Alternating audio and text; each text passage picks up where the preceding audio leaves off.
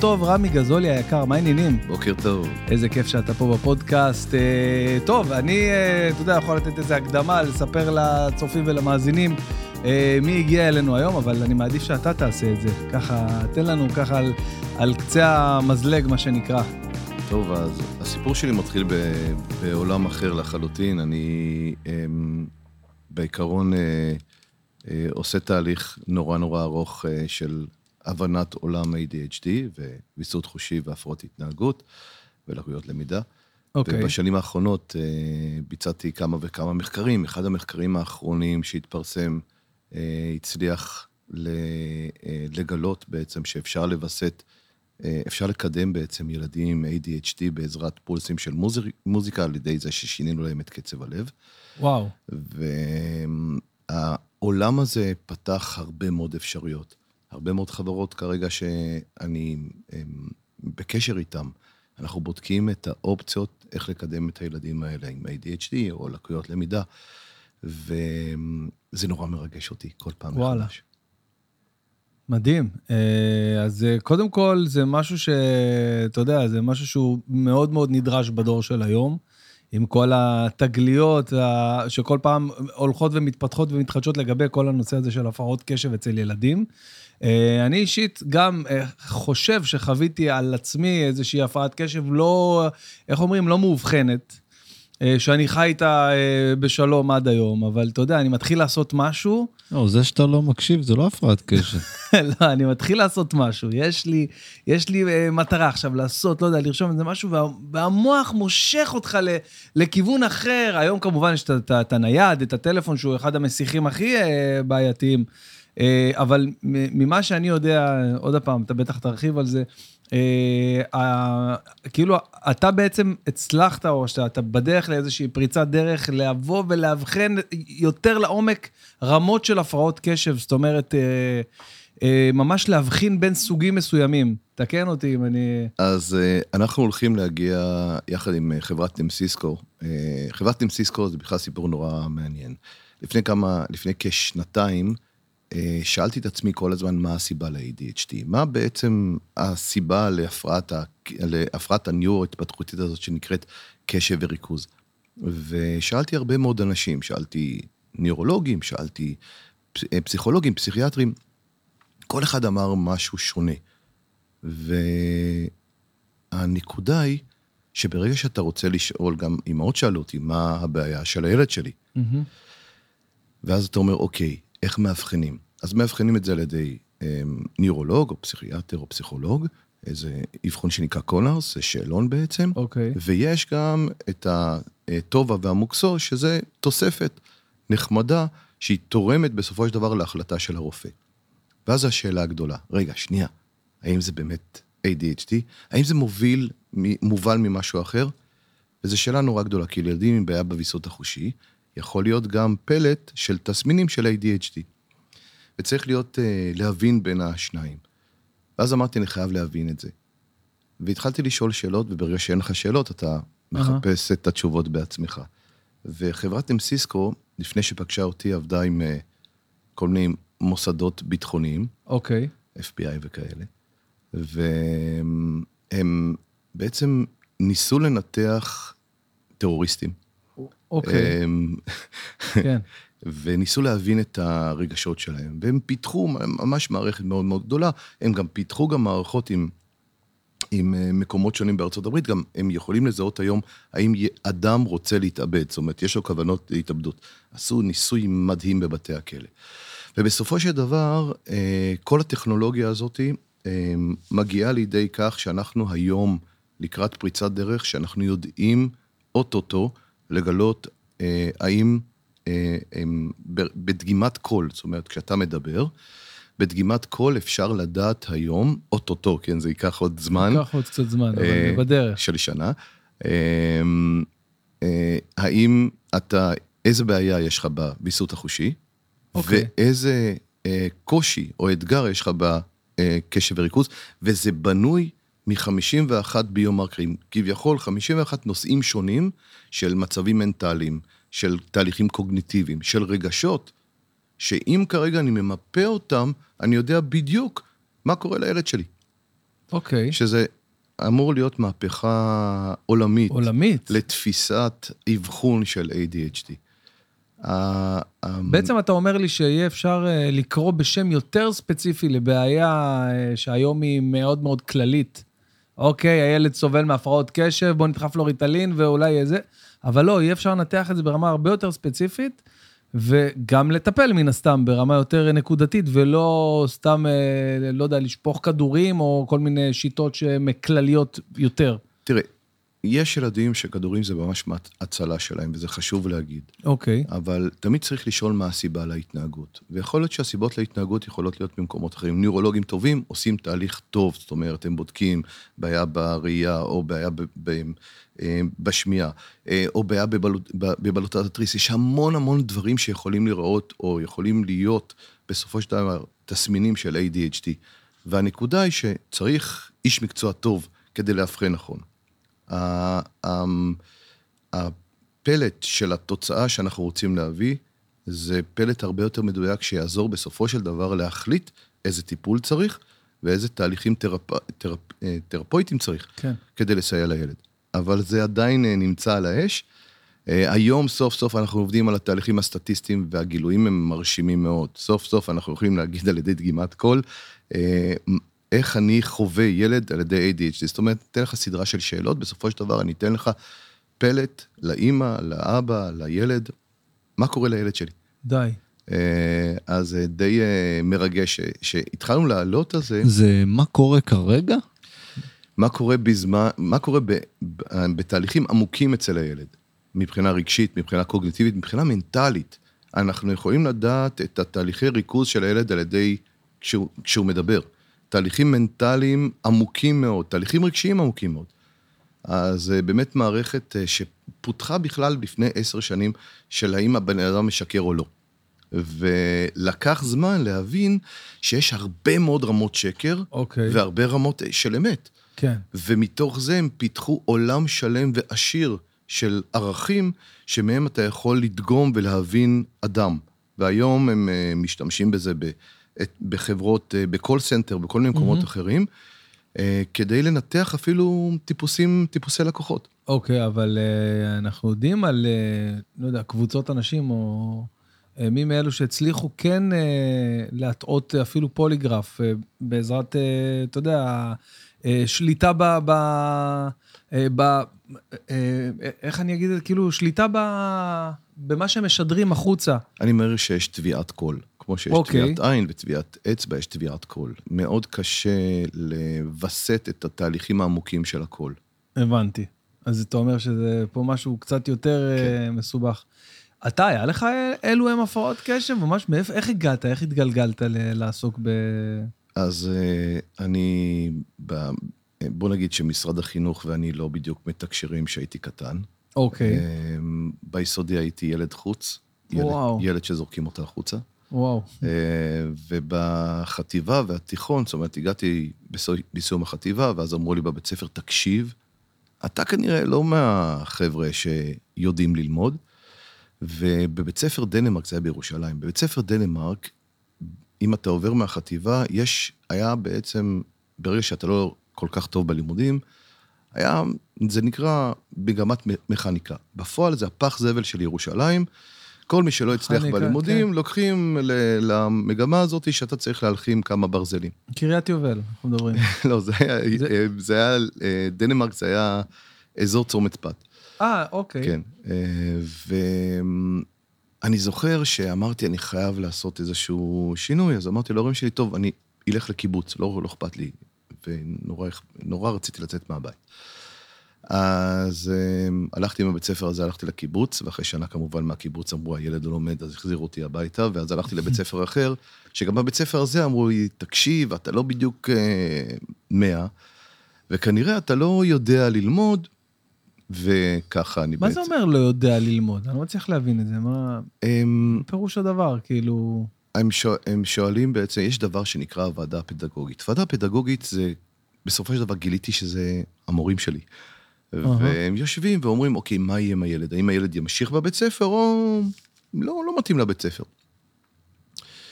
אז uh, הוועדה הפדגוגית, אני יודע שהייתה מורה אחת שנלחמה עליי, כל השאר אמרו, תקשיבו, אין uh, שם משהו, ב... הוא לא יודע ללמוד, הוא מפריע, הוא כל הזמן מדבר. Um, וזה באמת ילד שבאמת לא יודע ללמוד, או קשה לו ללמוד, מפריע. או למלם, לא, לא מועיל, כן. לא מזיק. Um, באיזשהו שלב, ברגע שאמרו לי, אוקיי, לך, הלכתי לעבוד. אז הלכתי לעבוד בכל מיני מקומות, והייתי בטוח שאני הולך לעשות את uh, שלושת הו"בים. אז דאז, שלושת הו"בים זה היה um, מי שמצליח, זאת אומרת, זה וולבו, וילה וילה, ווידאו. וידאו, וואו, יפה, זה אז. זה אז. זה שלושת הו"בים. אז באמת, לא, כן, לא, לא הצלחתי כל כך אה, להביא את שלושת הו"בים בשנה הראשונה, אחרי זה הלכתי לצבא, ואחרי הצבא אתה שואל את עצמך, אוקיי, מה אני עושה? אני הלכתי לעשות אבחון, ובמכון קובעים לי את הדברים הבאים. יש לך דיסלקציה, יש לך דיסגרפיה, יש לך דיסקלקוליה, יש לך בעיות קשב, יש לך בעיות ריכוז, ואז מתחיל להיות, מתחיל להיות ההמלצות, מה לא מומלץ לך לעשות. לא מומלץ לך ללמוד כל דבר שקשור לק... במתמטיקה. מתמטיקה, מספרים, וואי. מספרים. אה, לא מומלץ לך ללמוד מחשבים, לא מומלץ לך ללמוד שפות, לא מומלץ לך ללמוד, לך, בעיקרון, לך תהיה פועל במה, כי בוא נגיד שהראש שלך הוא לא ריאלי, אתה יכול להיות אולי הומני, משהו נורא נורא פשוט. ואני כל החיים שלי הייתי ילד דווקא, ילד שהולך נגד המערכת. נה, תמיד אמרו לי עשיתי... ככה כן. בדיוק, אני עכשיו אראה להם. כן, אמרתי דווקא. ואז אה, אה, התואר הראשון שלי זה מדעי התנהגות וכלכלה, כי היות ואמרו שאני לא יודע מספרים, אז הלכתי לכלכלה. התואר השני שלי זה חינוך מיוחד, היום אני אה, כתבתי כמה ספרים. אה, אני אה, מנחה של מורים. וואו, איזה, איזה אה, יופי, איזה מעורר השראה. תדע לך, בן אדם שאומרים לו, תשמע, אתה לא יכול ללמוד, ובסוף הוא מנחה מורים, זה, זה פשוט... אה, כן. אתה מוביל מורים, אתה פדגוג של מורים. אה, כן, כן, פדגוג וואלה. שלנו, זה נישה, עכשיו זה ככה, אתה מפתיע אותי כן. במילה הזאת. נכון. אה, אז זה נורא, הם נורא מרגש, הנקודה הזאת, כי, כי הדבר הכי משמעותי ב, בשנתיים האחרונות, מאז שהייתה הקורונה, אה, הקורונה עשתה לך טוב או רע? כאילו, בוא נגיד שזה מתחלק, ל... אצל כולם זה מתחלק לשניים, ההלם הראשוני, ואחרי זה איך תפעלת. כן. איך זה היה אצלך? הקורונה, אם אנחנו מסתכלים אחורה בזמן, אה, הקורונה אה, גרמה לי בסופו של דבר להגיע למצב של שוק נורא גדול. שוק, הלם, אה, כן, אני כי, גם. כי לפני הקורונה הכל היה סבבה, היה תותים בעצם, היה לי מלא הרצאות, היה לי, היה לי גרנט בעצם, כסף שהייתי אמור לקבל מאחד הקרנות, כדי לעשות את לצורך פיתוח, המחקרים. כן, מחקרים, אוקיי. ובאיזשהו שלב, בבת אחת, חודש מרץ, הודיעו לנו שאין תקציב, אה, ואז התחילה הקורונה. ואז אתה אומר, אוקיי, נצא עם המשפחה, יצאנו לכל מיני מקומות, היה כיף. בהתחלה, כן, בהתחלה, כי הולכים כן. ללכת, אה, עושים הליכה. תקשרנו עם המשפחה הרבה יותר טוב, ובאיזשהו שלב אתה מתחיל לשאול את עצמך, מה לעזאזל קורה עם שכר? אתה עצמאי, מהמם. ובעולם הזה אתה, כעצמאי, אתה נמצא חסר אונים. כי אתה שואל, אוקיי, אולי הממשלה תעזור. כן תעזור, לא תעזור. אין לי דמי אבטלה, מה אני עושה? כן, והחרדה היא נורא גדולה. ואתה, ואני אבא לשני ילדים, עם, עם משפחה, שני ילדים, אתה אומר, אוקיי, אני צריך לשלם משכנתה, המשכנתה עדיין לא סגורה, אה, לא, עדיין דופקת. שום דבר לא נעצר. מה נעצר? ההכנסה שלי. הכל היה באיזשהו כאוס נורא גדול. ובמקרה הזה אתה אומר לעצמך, אני חייב לקום ולעשות משהו כדי להכניס כסף, לא משנה מה. והמקום היחיד שפעל אז זה הסופרים. כן, נכון, וואי וואי. אתה הלכת לעבוד בסופר? כן, ואתה נמצא בכאב מטורף. וכל פעם שאתה הולך שם בסופר, אתה מתפלל לאלוהים שאף אחד לא יראה אותך. וואו. אמ, ואתה יודע, אתה ממקום מאוד מאוד מאוד מאוד גבוה, למקום נורא נמוך. נורא עכשיו, נורא. תמיד אומרים, "אה, אה, כל העבודה מכבדת בעליה. לא נכון. במקרה הזה, זה קרה אותי מבפנים. אוקיי. אה, והיו לי שם... אבל אתה יודע שאפשר להסתכל על זה גם, להסתכל על זה בדיוק ההפך. להגיד, וואו, בואנה, כל הכבוד לו. כאילו, Mm. וואו. וואו, אני בן- מאוד מעריך אה, אנשים שעשו את המהלך הזה או אחר, שהיו צריכים ועבדו איפה שאפשר. מאוד ממש מעריך את זה. ככה. אני הייתי באמת, אה, קרוב ללעשות את הדבר הזה, וגם כן עם איזה, האמת, אה, חנות ירקות של, של חבר שלי, שהוא אמר לי, שמע, אתה משעמם לך, בוא בשביל הכיף, כאילו, עזוב את הכסף שנייה, בוא, אתה תתעשה, אתה כל היום בחדר, לא יוצא... וכן, אני זוכר שכאילו אמרתי, מה, איך יסתכלו, איך זה, איך... אבל אה, אמרתי, אם אני עכשיו הולך לעשות אה, משהו, לצאת מאזור הנוחות, אני אעשה את זה, אבל בתחום שלי. וממש פרסמתי שאני מגיע להופעות פרטיות בבתים, מהראשונים שעשו את זה, והתחלתי לעשות זומים, שהייתי ממש נגד הדבר הזה. והתחלתי uh, לייצר uh, יותר כסף ממה שעשיתי לפני הקורונה, לבד, פשוט לבד, לעשות את זה. Uh, אבל הייתה לי את הדילמה הזאת, אני ממש זוכר. אז, אז בעצם כן היה חשוב לך, או אכפת לך, או משנה לך מה אנשים יגידו אם יראו אותך. אמ, כי, כי אני מניח שלא יודע, בשלב מסוים בחיים אתה אומר, what the fuck, מה אכפת לי? שיסתכלו, שיגידו, מה אכפת לי? מה, שיסתכלו. ועדיין. ועדיין, זה... ועדיין, זה לא יעזור. אתה, אני ברחתי מה... אני גר בנס ציונה, עבר, נסעתי ללוד כל לא, יום, אה, שלא לא, יראו, שלא שלא יראו. יראו. אה, כי, כי זה נורא, נורא נורא קשה. כאילו חזרתי אחורה אה, שנים, הרי אני 18 כבר כמה שנים, אבל חזרתי אחורה שנים, ואתה נמצא בכאוס נורא גדול. עכשיו, אתה... אה, אה, הדבר הנחמד שהיה שם, שהיו עוד אנשים כמוני. היה שם מורה דרך, והיה שם מפק... אה, מנהל תיאורים נורא נורא בכירה. ואתה יושב ומדבר עם אותם אנשים, וכולם נמצאים בצרה כן, הנוראית הזאת, צרה, וכולם מבינים גם אין מה לעשות. נכון. עכשיו, אתה שואל את עצמך, מתי זה ייגמר? אה, אף אחד לא. אמ, באיזשהו שלב אני אומר לעצמי, רמי, אתה לא נשאר כאן. ביום, אני זוכר, זה היה תחילת השבוע, אמרתי, ביום חמישי אתה לא נשאר כאן. אתה חייב לקום ולעשות משהו. ו- אנחנו מדברים על אזור מרץ 20, אפריל כן, 20, כן, משהו באזור אפריל, הזה. אפריל, זה היה, מרץ היה ככה כן, הזמן של זה, זה, באפריל סגרים. אמרתי, אני עובד. ואחרי חודש, בערך, זה היה יום ראשון, אומר, יום חמישי אתה לא נמצא שם, אמרתי, אני חייב למצוא מקום אחר. והתקשרתי למלא בתי ספר. אמרתי, אני ל- להיות, להיות מורה. כי, כן, כי לעבוד- גם שם זה כן. היה פתוח. אוקיי. הסופרים והור- והוראה היה פתוח. זה משהו שלא סגור. ובאמת, אה, אף אחד לא חזר אליי, חוץ מבית ספר אחד, בית ספר ויצמן ברחובות, וקיבלתי חינוך כיתה. עכשיו, מה לי, חינוך כיתה? אה, קיבלתי חבר'ה מדהימים, מורה שיצאה לחופשת הריון, והתחלתי לפתח טכניקות למידה. עכשיו, ראיתי את המצב שלהם, ראיתי את הקשיים בקריאה, הקשיים בכתיבה, אמרתי, אני חייב לפתח תהליכים, כי, כי, כי זה אני. אז אה, אה, התחלתי לפתח תהליכים שקשורים לדיסגרפיה, ובתהליכים שקשורים ל- לשרירים, שמחגורת הכתפיים עד האצבעות, כדי ל- ל- לווסת את תהליכים של האחיזה בכלל. וואו. לא דיברנו על עיצוב אותיות, עזוב שנייה כן. עיצוב אותיות. אחיזה האחיזה עצמה, העט. סתם בשביל הכיף, הנה כל המאזינים, קחו כמה עפרונות, כמה עטים, ותכתבו את המשפט, רמי אמר לכתוב משפט, סתם משפט, ותכתבו בכל פעם בעת אחרת. ותראו שכל עת נותנת את האופי שלה, את נכון. החוויה שלה. הרי האבסורד הוא שבכיתה א' אומרים לנו להביא לכל הילדים את העיפרון, נכון? 0.5, הצהוב עם כן. המשושה. למה? ואז אומרים להם, רגע, שנייה, אם הילד לא כותב נכון, בואו נשים לו את הגומי הזה. הזה, כן. ספוג הזה, כי זה יעזור לו. למה? מי בדק את זה? לכו לגרפוס, לכו לכל מיני מקומות שבהם יש מלא עטים, תנו לילד לכתוב את אותו משפט, או לצייר עיגול, או לצייר ריבוע, ותראו איך הוא מצייר, איך האחיזה שלו. הרי כשאני הולך לקנות נעליים, אתה מודד, נכון. אני מודד מלא סוגוי, מלא סוגים. כן. למה יש רק סוג אחד של עיפרון שאני צריך להביא לבית ספר? למה הספוג הזה? יכול להיות שהספוג הזה בכלל מעיק. מהמם. וזה קטע שכשאתה עושה בדיקה הכי פשוטה שבעולם, אתה מתאים את העיפרון לילד. לא את הילד לעיפרון. כן. הנה דברים נורא פשוטים. כל יום שעובר אתה מגלה עוד דברים, וכל יום אתה לומד איך להיות מורה יותר טוב.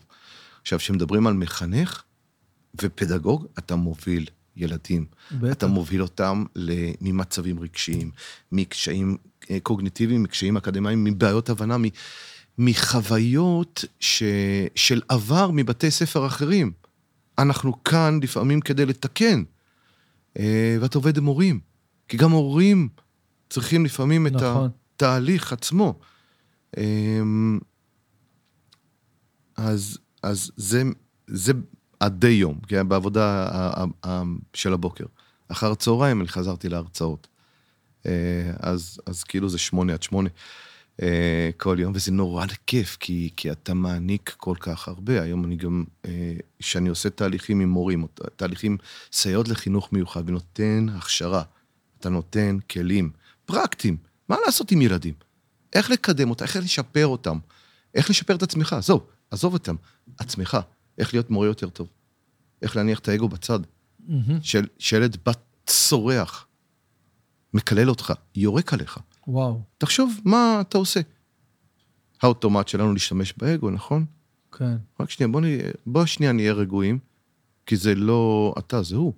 אז שנייה רגע. המקום הזה של אה, לדעת מי אתה קודם כל, לא מי הילד, מי אתה, מה התגובות שלך. עכשיו, אני יודע שאתה סטנדאפיסט כבר ענק בארץ, ואחד הדברים המדהימים בחינוך זה הומור. אוקיי. אין שנייה ביום שאני לא משתמש בהומור בכיתה.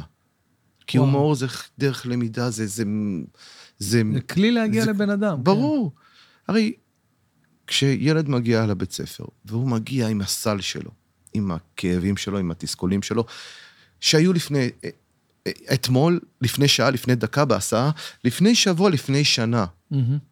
והוא לא מביא את זה לבית ספר.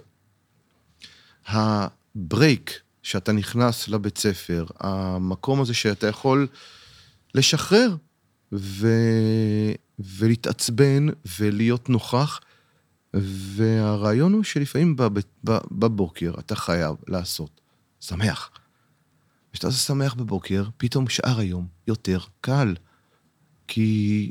כי כשאתה לא משתמש בהומור, אתה מסתכל לפעמים על המציאות, ואתה אומר, רגע, שנייה, המציאות מוזרה, נכון? קשה עם המציאות, אני לא, לא נעים לי תמיד עם המציאות. אבל כשאתה מסתכל על החיים עם הומור, עם צחוק, פתאום הדברים נהיים הרבה יותר קלים. באמת קלים. אמ, אמרה לי המנהלת, אז אתה גם מיישם את זה, כאילו, או שאתה רק מבין שזה ככה? ו... כי אני מסכים איתך, כן, השאלה עד כמה אתה מיישם את זה. כמה אתה מתייחס ככה לחיים, נגיד בתקופה הזאת שהיית ב... בסופר, אוקיי, והיה נורא קשה, והיה זה, השתמשת שם בהומור? ההומור עזר לך שם? וואו? בסופר, בסופר הדבר היחיד שהציל אותי, זה היה לשים אוזניות, אוקיי. הרבה מוזיקה והתנתקות מוחלטת. אמ, כי, כי שם זה באמת היה עבודה נוראית פנימית. אוקיי. כאילו זה עבודה כן. על האגו, זה עבודה על, על מקומות מאוד מאוד חשוכים. מעבר, כאילו, מה, מה קרה איתך עכשיו? מהמם. מה, חזרת עד מתי זה יהיה? כן, לא הדילמות. כלום. איזה בעל אתה, איזה מפרנס אתה. כאילו, המון המון האשמות, ש, שאתה מסתכל עליהן בעיניים ואתה אומר לעצמך, נכשלת. בוא, כאילו, למה לא עבדת ב... ב... למה לא כן, עבדת נכון. בתור שכיר? מה נכון, אתה, אה, מה כן, הלך... למה מה עכשיו? אתה משוגע ללכת אה, להיות עצמאי? מה אתה... אבא שלך היה עצמאי, אתה רוצה להיות... למה? מה זה, מה עובר לך? ו... ואני חושב ש... אה, צריך להיות בעבודה מאוד מאוד פנימית כדי להשתמש בהומור. מהמם. לעשות תהליך עצום כדי לדעת לצחוק על עצמך. כן, חד משמעי. חד משמעי. אני, אחד הדברים שהכי אה, הגניבו אותי אצלך זה ה, העובדה שהיית בכלא, נכון? קראתי קצת. ספר לנו, מתוך בחירה, אתה, מספר את זה. כן, כל הרצאה שלי שאני... אז איך אתה, כן, איך זה בא בהרצאה? כל הרצאה שלי שאני אה, מתחיל את ההרצאה, אני מספר מי אני קודם וכולי. כל, אני חייב כן. לגילוי נאות, גילוי נאות, full disclosure, מה כן. שנקרא. אה, אימא שלי, שהיא אה, הייתה במסגרת הלימודים, אה, אה, היית, הביאו אותך מרצה אורח או משהו כזה, כן. ש... אז היא, אה, היא גם מקשיבה לפודקאסט, אז אימא, מה קורה, מה שלומך? אוהב אותך, אה, רמי פה איתי. האמא. וכן, והיא ממש סיפרה לי בהתלהבות, אני זוכר, אז סיפרה לי עליך, והיית חייב לעקוב אחריו בפייסבוק, לראות מה הוא כותב, וזה, ממש ממש התלהבה. אז אה, אחד הדברים שהיא אמרה לי זה ש... כן, עכשיו בוא, תראו. ספר לנו, כן. אז ככה, כן, כאילו, הכלא. אה, אז לפני המון המון זמן פיתחתי טכ- טכניקות, טכניקות זיכרון וריכוז. זה היה בהתחלה רק זיכרון וריכוז. אמרתי, אני חייב ליישם אותם. ואז יישמתי אותם בכל מיני מקומות, ואמרתי, המקום הכי טוב שאני אוכל ליישם אותו, זה בקבוצה קטנה. איפה עושים את זה? בכלא. והלכתי להתנדב בכלא איילון, אה, והייתי שם שנה וחצי, ועבדתי עם האסירים שם, וזה היה מהמם, כי אתה פוגש שם אנשים. שם את כל המעשים שלהם בצד, אוקיי, אוקיי. אתה פוגש שם אנשים. והיו לי שם חבר'ה אה, שלימדו אותי גם איך לעשות את הדברים יותר טוב. באיזשהו שלב הייתי נותן להם גם תרגילים, טכניקות למיניהם, מיני תרגילים כאלה אה, של אה, חשיבה והיגיון. ביום אחד אני מגיע לכלא, מישהו שלא מכיר אותי אומר לי, את דוקטור מוח. אמרתי לו, מה? אמר לי, את דוקטור מוח. אמרתי לו, סבבה, בוקר טוב. וככה כל הכלא, נתפס, כן. כל הכלא מתחיל לקרוא לי דוקטור מוח. מסתבר שאלה שלימדתי אותם ונתתי להם את המשימות של היחידות היגיון, העבירו את זה מכולם. אה, אוקיי. אז כל הכלא בעצם בדק את ה... עשה תהליך אה, קוגניטיבי נורא היה מגניב. אה, ובאיזשהו שלב באמת אה, פיתחתי הרבה מאוד מתודות של זיכרון וריכוז, ועם הזמן פתאום אתה רואה שיש לך הרבה מתודות, וזה יצא בספר, זה נראה כמו ספר פסיכומטרי. אוקיי. אמ, וזה באמת תרגילים למוח מנצח, זה הרעיון. ובאיזשהו שלב אמרתי, אוקיי, אני חייב לחקור את זה עוד יותר עמוק. ובנקודה הזאת אתה מוצא את עצמך, אחרי שהתחלתי להבין את התהליכים של, של זיכרון וריכוז, אתה אומר, אוקיי, אבל מה איתי? סבבה, אתה רוצה לעזור זיכרון וריכוז, אז עבדתי עם חבר'ה מבוגרים בקורסים, עבדתי עם חבר'ה צעירים בקורסים. ואז הגעתי לבית ספר, לבתי ספר, באופן טבעי, מבתי, מבתי כלא לבתי ספר, כדי לעשות, לעשות שם תוכניות. ואתה פוגש חבר'ה, ואמרתי, נשאל אותם שאלות. השאלה הראשונה ששאלתי אותם, זה מה אתם עושים בבית ספר. שאלה נורא חשובה. מהמם. רוב הילדים אמרו לי, אני לא יודע.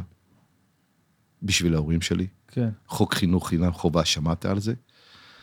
והיו גם חבר'ה שאמרו, אני רוצה להצליח. אמרתי להם, מצוין, במה אתה רוצה להצליח? אז הם אמרו לי, אני לא יודע.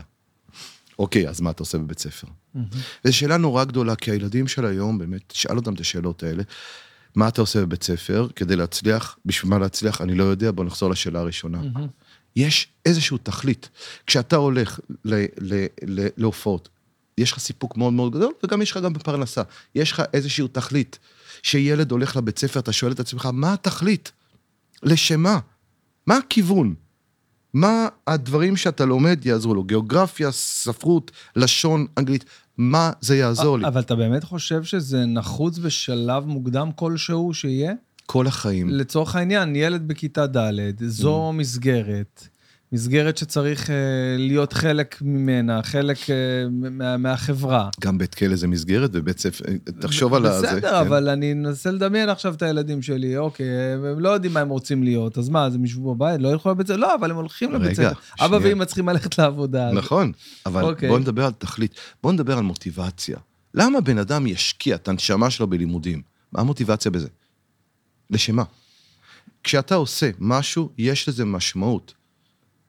ויק, ויקטור פרנקל, האדם מחפש משמעות, כן. בן אדם שהיה בשואה, בא וכתב ספר מדהים. נכון. הוא אומר, האדם חייב משמעות כדי לעשות משהו בחיים שלו, כדי להס... ל- ל- להטעין את עצמו במוטיבציה.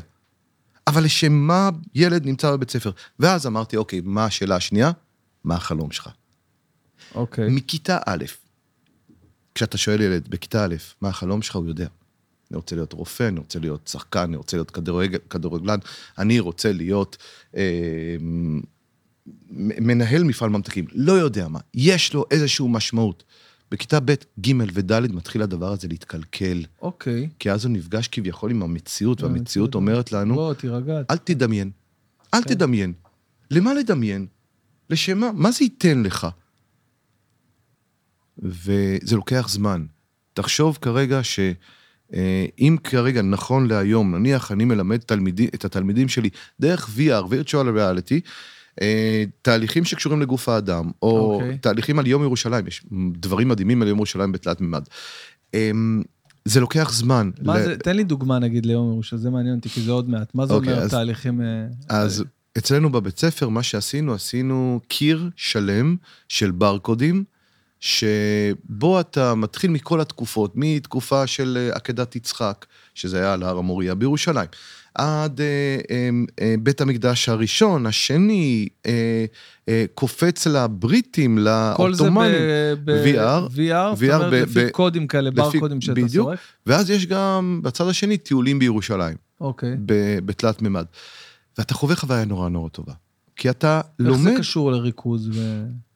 בנקודה הספציפית הזאת זה לא קשור לא לריכוז, אבל קשור. זה ממש ממש מגניב, כי זה שיטות הוראה אחרות. אוקיי, הבנתי. עכשיו אתה שואל את אוקיי. עצמך, רגע, שנייה, יש כאן מלא טכניקות. היום שאני אה, מאמן מורים או מרצה למורים, יש לי המון המון סל של טכניקות. אוקיי. והטכניקות האלה הן טכניקות שקשורות גם לפרודוקטים המדהימים שיש, למשל, יש את חברת ניואנס, שעוזרת לילדים להתפקס, אתה יכול להיות, המורה יכול להיות במרכז הכיתה, הילד יכול להיות בסוף הכיתה, מהמם. יש להם מכשיר דמוי סיימון, אתה לוחץ על כפתור שם, ואתה שומע רק את המורה.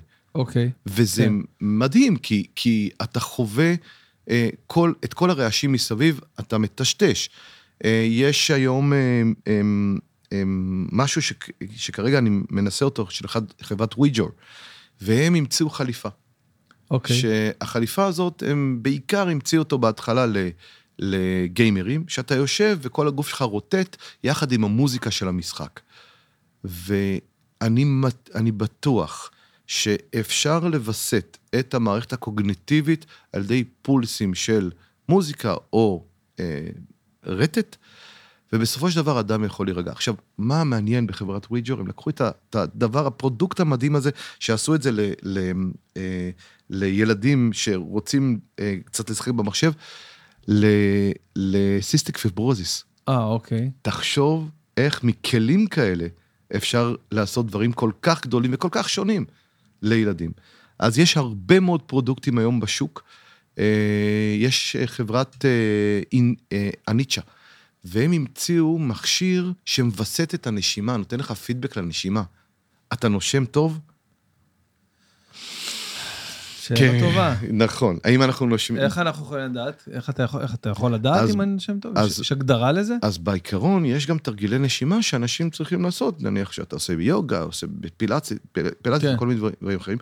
אתה לומד איך לנשום לאזור, לאזור, אה, אה, שרעפת? ל- ל- לאזור ל- השרפת, לאזור הדבר ש...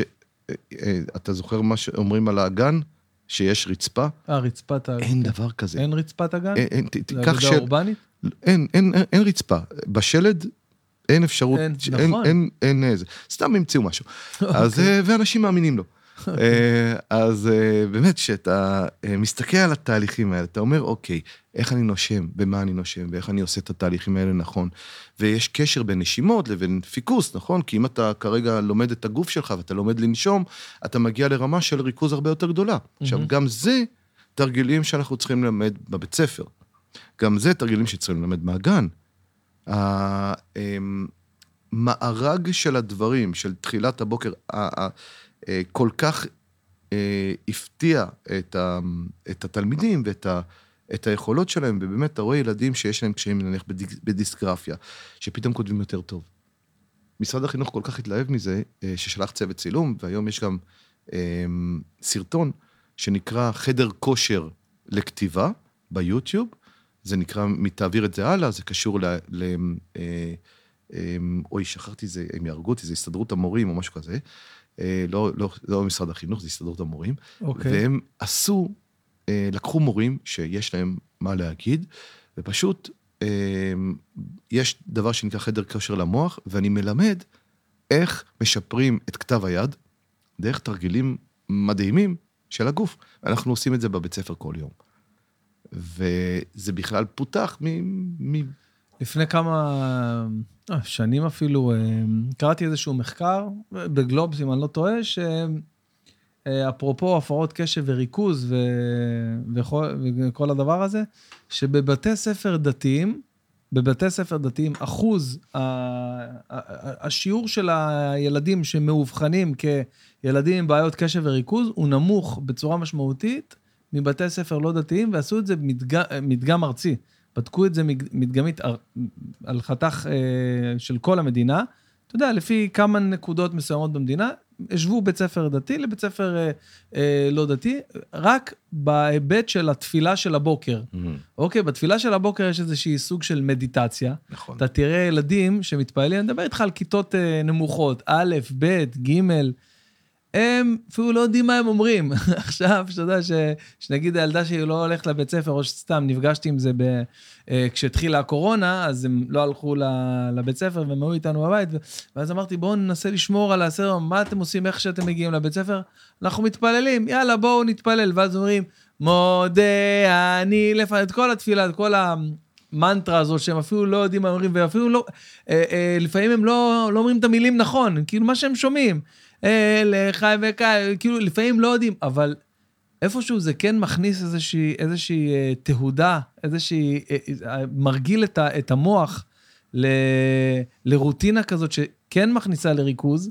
ואני לא זוכר, זה היה לפני הרבה שנים, קראתי את זה, לא יודע להגיד אפילו מאיפה, אבל זה, נתקלת בזה אולי? זה כן, משהו כן, זה, זה לדעתי זה היה תפילת תהילים. זה אה, גם, מספר- גם, אה, גם מספר אה, תהילים, ספרי מס- תהילים וגם התפילת בוקר של הכיתות הנמוכות, שזה אז- משהו... זה משהו דומה. עכשיו, לקחו באמת אנשים, ילדים כאלה, והם בדקו את הגלים מוח שלהם. זה גם היה עם... אוקיי, וממש ראו אה, שבאמת הם הרבה יותר רגועים, יש כאן רגיעה הרבה יותר אוקיי. גדולה.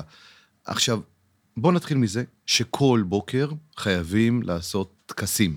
אוקיי, כל בוקר. אוקיי. זאת אומרת, הטקס זה יכול להיות שהם...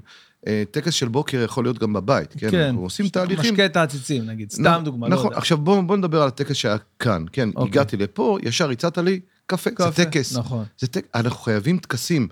עכשיו, אנשים למשל שרגילים לקפה ולא שותים את הקפה שלהם בבוקר, היום שלהם יכול להתחרבש. נכון. יכול להיות מצב מאוד כזה. ילדים חייבים טקסים. למשל, בבוקר אצלנו אנחנו עושים סדר יום, ואחרי זה שאלות מוזרות, כאילו שאלות רגילות, אבל אנחנו קוראים לזה שאלות מוזרות. אה, ו... מה זה, תן לי דוגמה. שאלות? מוזרות, כאילו שאלות בוקר כאלה שהם כן. יכולים להגיד כל דבר שהם רוצים. וואלה. אה, כן, מה שעולה להם בראש, זה בסדר, הכל מתקבל. אה, הכל? מה, הכל? מה שהם רוצים? כל שאלה מוזרה שאתה רוצה לשאול, שפוך. אוקיי. ואז יכול להיות שהם מספרים על דברים שקרו להם אתמול. יכול להיות שהם סתם שואלים שאלות על, על ראית את הפיגוע שהיה אתמול. כל מיני דברים אוקיי. שהם נותנים לעצמם לשאול. אוקיי. ולכן לא קראנו לזה שאלות, אלא שאלות מוזרות. הבנתי. שבא לך. כן, מה שבא לך. ואתה גם מגלה את החופשיות בלשאול את השאלות המוזרות האלה. אז יש שאלות מוזרות גם על חתולים וכאלה, ויש שאלות מוזרות גם יותר רציניות, וזה בסדר. ואחר כך אנחנו עושים אה, אה, אקטואליה, ואחר כך פעילות בוקר. יש סדר. סדר נורא חשוב. כשהפעילות בוקר היא, חייבת להיות עם אה, תרגילי ספורט. סדר יפה, מסוים. וואי, איזה חשוב זה, אני כל הזמן אומר, מערכת החינוך, הם מכניסים שיעור אחד של ספורט בשבוע, ב- ב- זה נורא. מהמם. זה צריך לפתוח כל בוקר בכמה תרגילים, לא אומר לך עכשיו שעה אימון, אבל לפתוח את היום בעשר דקות, רבע שעה של אה, אימון גופני. חייב נכון. להנחיל את זה במערכת החינוך. אה, אני, אני, כשהתחלתי לעשות תהליכים עם אה, מורים, אז אלה שלקחו את השיטות האלה ויישמו, הם באים ואומרים לי, רמי, תקשיב, זה עשה שיפור, זה עשה שינוי, הבוקר הוא אחר. הילדים גם, אה, שנותנים להם סדר וסטרקצ'ר, אה, שאתה מדבר על, על אה, טקסים, זה נותן להם את ההבנה שזה בסדר, הבוקר זה המבנה שלו. ביום שאני לא נמצא, למשל היום, מהמם. אין סדר, וואו. אוקיי? אז זה, זה כבר אתגרים אחרים. חייבים לשמור על סדר. ה, אה, ו, וגם מורה, למשל, שעוזב, כי הוא ביום חופשי, או, או שהוא עושה פודקאסט עם בן בן, אה, אז, אה, אז באמת אתה רואה שיש איזשהו שינוי. אוקיי. אבא לא בבית, אימא לא בבית, כן. מישהו כן. עזב. אה, ולכן חייבים לשמור על הסדר. כשאתה מדבר על תהליכי תפילה, אני משתדל פחות להגיע לבתי כנסת. מהמם. כי כל פעם שאני מתחיל להתפלל תפילת 18, למרות שצריך להיות תפילת 19, 19 כן, ברכות, 19 ברכות. אמ, השץ מפריע לי. השליח? כאילו, הוא. כאילו מתחיל לדבר, מתחיל לחזור על זה, ואני לא יכול. עכשיו, אני עם בעיות קשב וריכוז, מה אתה רוצה? מה, תן לי את ה... כן, אני צריך. לבוא עם אוזניות מסיינות כן. רעשים כדי לעשות שם. ובנקודה הזאת שאתה בא וחווה מדיטציה, בכלל, תפילת 18 זה בכלל תהליך מדיטיבי. ממש. אתה, ממש. אתה חייב להיכנס לבפנים ולעומקים כדי לעשות תהליכים כאלה. ואנשים לצערי, לפעמים לא מבינים את המשמעות הזו. ולכן, אתה יכול לעשות אה, נשימות, מדיטציה עם כל דבר. זה לא משנה. עם מוזיקה, אם זה עובד לך. יש כאלה בבוקר, שמים full volume, full volume מוזיקה נכון. בדרך לבית ספר, או בדרך לעבודה, וזה המדיטציה שלהם. תום ככה, תום, שם full volume על הבוקר, מפוצץ פה את הבניין. מצוין. מה פתאום, כש- מה כשיש לך פתאום? חשמל ב- רק כשיש חשמל. הוא צודק, תקשיב, יש איזשהו משהו במערכות שלנו שאנחנו חייבים לעשות אה, בתהליך מד- מדיטטיבי כדי לאזן את עצמנו. אה, וכשיש את זה, פתאום הבוקר נראה אחרת. הדברים הקשים שעברת שלשום, לפני שנה, לפני 20 שנה, לפני 200 שנה, מתי שנולדת, פתאום מתגמדים, כי יש לך אנרגיה לבוקר, אתה מחפש את זה. יאללה, תגיד לי, אתה בתור אה, מישהו שחזר למערכת החינוך, אה, מה, מה דעתך על מערכת החינוך אה, של היום? אני חושב שצריכים לקחת שופל נורא גדול, וואו. את כל משרד החינוך וואו. ליישר. וואו, כל התפקידי ביניים שם וכל הדברים האלה, אין צורך בהם, אה, ולתת את הכסף לבתי ספר. למה זה לא קורה, הדבר הזה? הקור- למה, למה אנשים לא רוצים לעשות באמת שינוי? למה אנשים רק חושבים על התחת שלהם ועל המשרה שלהם ועל, ה, ועל העבודה שלהם ועל הריבוע הזה? למה לא עושים באמת שינוי משמעותי פה במערכת החינוך במדינה, שמורה ירוויח כמו שצריך, שהטובים ילכו להוראה, שאנשים ירוצו למשרות? למה? למה זה לא קורה? אני לא מצליח להבין. שאלה טובה. אני לא מה יודע... צריך לעשות שזה יקרה? אני חושב שצריכים לפרק את משרד החינוך. לחלוטין. אני חושב שהתפיסה צריכה להיות עירייה, בתי ספר, לא משרד החינוך. אתה יודע מתי הבנתי את זה? בקורונה. קורונה. ילדים חזרו מהקורונה, כל הסגרים וכולי. כן. בא משרד החינוך, אז הוציא תוכניות חוסן, נכון? כן. לא, לא, לא, הוא לא הוציא. לא, הוא עזב את בתי הספר, נעלם. משרד החינוך נעלם לחלוטין. מורים התמודדו עם המשברים הגדולים אה, ביותר אה, של אוקיי, התלמידים, כן. והדבר הכי מצחיק, שהם הביאו לנו חוברות חוסן של הטילים. זה היה חוברות חוסן. ואמרו לנו, זה אותו דבר. טילים מול אה, קורונה. קורונה. אתה שואל את עצמך, רגע, שנייה, איפה משרד החינוך? מה הוא עשה בת- בתקופה מעצבן. הזאת? זאת אומרת, משרד החינוך נעלם לבתי הספר, ולכן בתי ספר תפקדו בלי משרד החינוך, זאת אומרת שאין צורך במשרד החינוך. אם, תס, אם תשאל אותי בתור אדם במשרד החינוך, אין שום סיבה שכל המוסדות האלה, הביניים, אה, שקיימים היום, ויש להם תקציבי עתק, אין להם קשר למה שקורה בשטח. בשטח אנחנו צריכים עוד אנשים. צריך עוד מורים ועוד אנשים בתוך כיתה. וצריך גם ללמד את המורים איך להיות מנהלי כיתה. מנהלי אנשים בכיתה, אנשים שעובדים איתם בכיתה. לא כל מורה יכול להיות מנהל. נכון. אתה, יש לך נניח שלושה אנשי צוות, איך תנהל אותם, אם אתה לא יודע לנהל? מה זה אומר שלושה אנש- אנשי צוות? נניח, אם יש לך שלושה אנשי צוות, יש לך מסייעים, משלבים, אוקיי. או שני אנשים, או אפילו אחד, אם אין לך מיומנות ניהול, נכון. אז יש כאן בעיה. אז אם מסתכלים על זה, ואתה מדבר על זה שצריכים להביא כסף למשרד החינוך, בואו נדבר על משהו אחר. בואו נדבר על פירוק משרד החינוך, להביא את הכסף לבתי הספר, ואז יש לך אפשרות לשכור יותר מורים. יותר מורים, יותר אנשים עם יכולות נורא גדולות. והדבר היותר אה, גדול, משרד החינוך רק מפריע. כי תוכניות משרד החינוך הן נחמדות, האם הן עובדות? יש מיושנות, אבל... האם הן עובדות? זו שאלה. האם, אה, אם מסתכלים על בתי ספר, והתפיסה שלי לגבי בתי ספר, בתי ספר צריכים ללמד שלושה דברים עיקריים. אחד, מיומנויות למידה. איך ללמוד? נכון. טכניקות, זיכרון, ריכוז, טכניקות למידה למבחן, טכניקות אה, ביטוי. אה, אה, הדבר השני זה מיומנויות תקשורת. איך לעמוד בסטנדאפ ולדבר? איך לדבר על עצמי? אתה יודע מה? לדבר על מי אני. לדבר על מה אני רוצה. לעמוד בפני אדם אחד, שני אנשים או חמש מאות אנשים. מיומנויות תקשורת. להגיד את הרגשות שלי, קשה לי, כואב לי, לא נעים לי, אתה נכון. מפריע לי, אני פוחד, אני שונא אותך, אני אוהב אותך. להבין את המקום הזה. והדבר השלישי זה מיומנויות חברתיות. מה זה להיות חבר? מה זה, אה, מה זה להיות בקבוצה של חברים? מה זה בעצם אה, אה, ששולחים לי כל מיני דברים באינטרנט? איפה זה נכון או לא נכון? איפה הגבולות החברתיות שלי? ושלושת הפרמטרים האלה הם פרמטרים סופר חשובים, שעליהם צריך, צריכה להתמקד מערכת החינוך. אם אתה מלמד בני אדם איך ללמוד, זה לא משנה מה אתה מלמד, מלמד אותם. זה לא משנה, גיאוגרפיה, אנגלית, ספרות, היסטוריה, יש טכניקות, טכניקות למידה למבחן, יש דברים כאלה. אני- זה, זה לא קשור לכל החינוך המונטוסורי, אנתרופוסופי? אנתרופוסופ, אנתרופו... יכול להיות, יש כל מיני כן. אותיות, כן. יכול להיות. הנקודה היא, ש... ל- ללמוד איך ללמוד, אם אני לא טועה, זה כל המהות של המונטוסורי, אבל אל תתפוס אותי על הדקויות. תחפש רגע איך אומרים את זה, שלא נצא פה בפודקאסט. לא, יש מונטוסורי, יש מונט- אנתרופוס... יש כאלה, אבל אני לא יודע אנתרופ- מי מהם זה מה. אנתרופוסופי, משהו כזה. יש כל מיני אנתרופוסופי, שיטות, כן. ויש הרבה מאוד שיטות. נותנים אה, להם מקלות, אומרים להם, תלמדו איך, אה, איך מקלים. הנקודה היא, לא צריך להקל על ילדים, צריך לאתגר ילדים. צריך להיות מספיק, אה, אה, קודם כל, אם נסתכל על מחנך, מחנך צריך להיות מנהיג. צריך להיות בטוח, מוביל. בוודאי. צריך להיות פדגוג, מוביל ילד. נכון. צריך להפסיק לחשוב על האגו. אין אגו. יש, פ... יש תהליך של מובילים ילדים. אנחנו אמורים להוביל ילדים.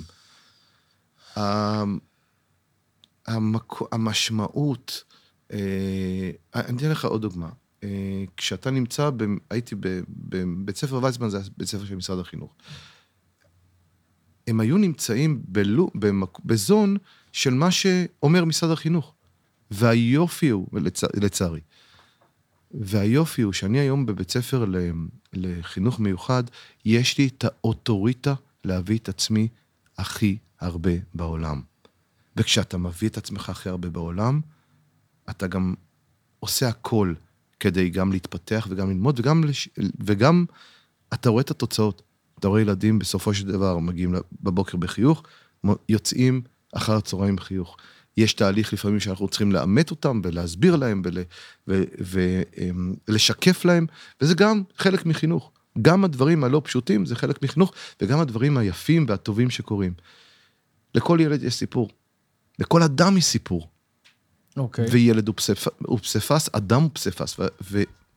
ומחנך או מחנכת צריכה לעצור רגע ולנסות להבין את הפאזל, וזה פאזל ענק. כשאני מבין את הפאזל, מבין איך, מה מניע אותו ומה לא מניע אותו, מה לדרוש, מה לא לדרוש. אתה מגלה עולם שלם של, אה, של ילדים. אתה מגלה גם מתי להניח, מהמם. מתי לדרוש. אה, וכשאתה מגיע עם כלים לעולם הזה, אה, אתה מבין אה, כמה משמעותי אתה. הדבר הכי חשוב שלמדתי, שבחינוך אני לא יודע כלום. אני כל היום לומד. כל היום לומד להיות מחנך יותר טוב. כל היום לומד להיות, במקרה של החוקר, חוקר יותר טוב. כל היום אני מסתכל, מסתכל על עצמי ומבין בצורה מאוד מאוד צנועה, שאני לא מספיק טוב. וזה בסדר להגיד שאני לא מספיק טוב. אני צריך לעבוד קשה עוד יותר כדי להיות עוד יותר טוב. מתי זה ייגמר המרוץ הזה? לא יודע, אבל זה מעניין. אוקיי. זה לא מתיש אבל אה, לחשוב ככה, אני אה, אף פעם לא... א- אף פעם לא חשבת על זה? כל יום אתה עושה את זה. אני אישי- אני אישית ככה, ככה אני מנהל את חיי כל הזמן, שאני אומר, מניסיון, זה, זה לא, לא מתיש. אני קורא עכשיו ספר אה, חוכמת האדישות. אה, כן, שהוא אומר שם בדיוק ההפך. אה, שיטת ה... איך... אה, איך, מה שנקרא, Don't give a fuck, לשים זין על הדברים, סליחה על הביטוי, ופשוט מצחיק אותי רגע לחשוב על זה, אבל... אבל זה, שם. השאלה כאן, מה, מה אתה מספר לעצמך? אתה מספר לעצמך, זה מה יש? אתה מספר לעצמך שאני יודע לאן... אני הולך לשם. אני לא חי בפנטזיה, אני חי במקום שאני כל בוקר שואל את עצמי, מה אני צריך לעשות כדי להתקדם. יש ימים שאני לא עושה כלום, סבבה, הכל טוב. יש ימים שזה פתאום רץ לי, אבל אני יודע לאן אני הולך. אני הם, מ- כל, כל הזמן מציב לעצמי מטרות. וככה אני עובד עם ילדים. מה המטרה שלך? מה החלום שלך? איך, איך אנחנו משכפלים אותך? ל, ל, לקחת את המודל הזה ו, ולהפוך, אה, אתה יודע, שכל המורים יהיו, אה, לא יודע אם כמוך, אבל לפחות אה, ילכו ב, בכיוון הזה פחות או יותר, יכניסו שיטות חדשות, אה, ידחפו ל, ל, לחינוך מתקדם יותר, אתה יודע. אה, זה משהו שנראה לך בר ביצוע בכלל, או ש... לפני כמה שנים טובות לקחו כבשה והפכו אותה דולי. לדולי, נכון. כן. היא לא מתה הכי טוב. אה, כן. הדבר הכי חשוב זה, קודם כל, השאלה הגדולה שתמיד אני אומר לאנשים, תעשו עבודה עצמית, תדעו מי אתם. תביאו את עצמכם למערכת החינוך. עזבו את מערכת החינוך, מה אומרים לכם. תביאו את עצמכם. אם אתה היית מורה, מה היית עושה? אני, תדע לך שזה לא פעם ולא פעמיים עבר לי בראש. זאת אומרת, ללכת לכיוון הזה במתישהו. גם אשתי, גם שירן. כן. היא אומרת לי, אני רוצה אחרי ה... לא אחרי העבודה בבנק, אני רוצה להיות מורה. אני קודם כל מזמין אותך אלינו לכיתה, תן לנו אה, שיעור בהומור. תן וואלה. שיעור איך להיות אה, סטנדאפיסט. עשיתי את זה כמה פעמים בכמה תיכונים, בתיכון שאני למדתי בו. אה, מחפשים את זה, זה, זה ברור. מעניין. ברור. תחשוב, כשאתה מביא את עצמך, אתה תביא את ה... איך אתה עומד על במה, איך אתה מנגיש, איך אתה אה, כותב, איך אתה יוצר, איך אתה אה, עושה תהליכי פאנצ'ים. יש הרבה מאוד חשיבה, הרבה מאוד חשיבה עמוקה. אז אתה יכול ללמד כתיבה, אתה יכול ללמוד קריאה, דרך זה, דרך הומור. תביא את עצמך, תביא את עצמך הכי טוב שאתה יכול. אל תחפש מתודות של משרד החינוך, תביא את עצמך. תביא את הפאן שלך, תביא את הכיף שלך. אתה יודע לעשות עוגות, תעשה איתם עוגות, תמדוד משקלים, תעשה כל מיני דברים. קשור אליך. אתה, אתה יודע, ל, אתה יודע לרוץ, תרוץ איתם. אתה יודע מה? אתה אוהב כדורסל? תשחק איתם כדורסל. דרך כדורסל אפשר ללמד מת, מתמטיקה, אפשר ללמד הנדסה. אפשר ללמד המון המון דברים, צריך להיות מל, הרבה מאוד יצירתי. הקטע הוא שבמקומות מסוימים שמלמדים אותך להיות, להיות מורה, נורא מקבעים אותך. כי זה המתודה, ויש structure מאוד זהו, מובנה. אתה הרגשת את, ה, את הדבר הזה שניסו כאילו למשוך אותך לכיוון של אה, בוא חביבי, אתה חדש פה עכשיו, הצטרפת לעולם ההוראה, בוא תראה, ככה זה עובד, זה מה שאנחנו במי- עושים. ב- בבית ספר הקודם כן, אוקיי. בבית ספר הזה, הם, אמ, אמרתי שאני רוצה להביא את עצמי עד הסוף, ותנו לי. אה, ואפשרו לי לעשות את זה. אז בעצם אתה... אז יש פה איזוש, איזושהי בשורה, זאת אומרת, אתה ילד שלא לא, לא הצליח בלשון המעטה בלימודים, אבל אה, אה, לא ויתר, ובוא נגיד יותר מזה, הלך דווקא ו, ו, ולמד והשתפר ועשה לבד את מה שצריך, ו, והיום הוא בעצם מורה, שזה כאילו, אה, ומורה גם שמפתח אה, שיטות אה, מיוחדות להוראה, ויש פה איזה משהו מאוד... אני חושב שה... אני לא יודע אם אני אעסוק בהוראה בעוד שנתיים, בעוד שלוש, מהמם. אבל עכשיו אני כאן, ואני נהנה מהרגע. ואני יודע שבעוד שנתיים או בעוד שנה, שאני אפתח את, ונסיים את התהליך המחקרי, ויש לי עוד כמה מחקרים שאני רוצה לרוץ איתם בדרך. אה, בתהליכים הניאו-קרדיולוגיים, קשר בין המוח ללב, אה, שזה לדעתי הבסיס מאוד מאוד חזק של הרבה מאוד אה, תהליכים שקורים למערכת האוטונומית. אוטיזם, אה, הפרעות קשב וריכוז, הפרעות נפשיות וכולי. אם אני עושה את הבלנס הזה, אני יכול להגיע לתוצאה מאוד מאוד טובה, להרבה מאוד אנשים בעולם, ואז אני יכול להשפיע הרבה יותר. אה, אני לא יודע מה ילד יום. היום אני כאן. היום אני כאן, שנה הבאה אני עדיין בבית ספר בטבע, כי אה, זה נורא עושה לי טוב. מהמם. עושה לי, אה, אני חוזר הביתה עם חיוך. תחשוב שכרגע אתה עובד שמונה שעות ביום, וזה יום שאמור להיות הכי מתיש בעולם, אבל זה כיף. כיף, כן. זה כיף. אתה עושה הופעה של מלא שעות, ואז אתה יוצא עם כיף. זה, זה נותן לך כן, מלא אה, אנרגיה. במקרה שלי אתה מאוד מאוד בקלות אפשר לראות אה, הופעה קשה ששואבת ממך את טיפת האנרגיה האחרונה. נכון. לפעמים יש לי הופעות שנניח חלק מהתנאים לא, לא טוב, לא יודע, הסאונד לא טוב, ההופעה באור יום, מקום פתוח, כל מיני, אתה יודע, הופעות אה, סגורות כאלה, ועדי עובדים, שזה לא תנאים אידיאליים. אתה מגיע לאיזה חברה שבנופש עכשיו ביער בן שמן, ואתה צריך עכשיו להופיע מול 100 איש. תצחיק אותי, תצחיק כן, אותי. דברים מוזרים. ואתה יוצא משם עם ה... עם, עם, כאילו הוציאו לך את הנשמה עם כפית, מה שנקרא. Uh, לעומת זאת, יש הופעות שכביכול זה אמור להיות בדיוק ההפך, גדולות, אחרי זה 600, 700 איש, לא יודע מה. ואתה אחרי זה יורד מהבמה והולך, שותה איזה כוס מים, נרגע. וכאילו, זהו. ממשיך הלאה את היום שלך, זה ממש ככה. Uh, תראה, אני, השאלה שהכי מעניינת אותי לשאול אותך, ואני מקווה שאני לא... אין מצב שאני פוגע פה בשאלה של תום. נכון, תום? לא, לא. אין סיכוי, בוודאות. תראה, אותי מעניין דבר כזה. דיברת מקודם על, אה, על, על השימוש במחקרים ובשיטות האלה, על, אה, על טרוריסטים לצורך העניין, אוקיי, אוקיי? כן.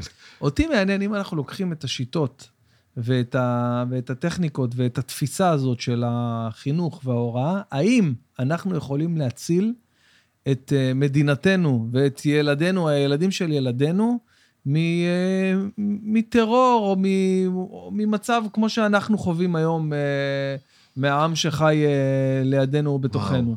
חינוך אה, זה דבר נורא חשוב.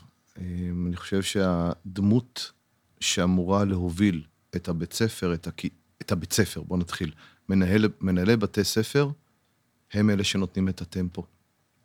אה, אתה בדיוק אומר טמפו, ובדיוק אני קורא פה טמפו, הסודה כן, של טמפו. כן, לא, זה... אבל uh, אני, אני אדייק את השאלה. Mm.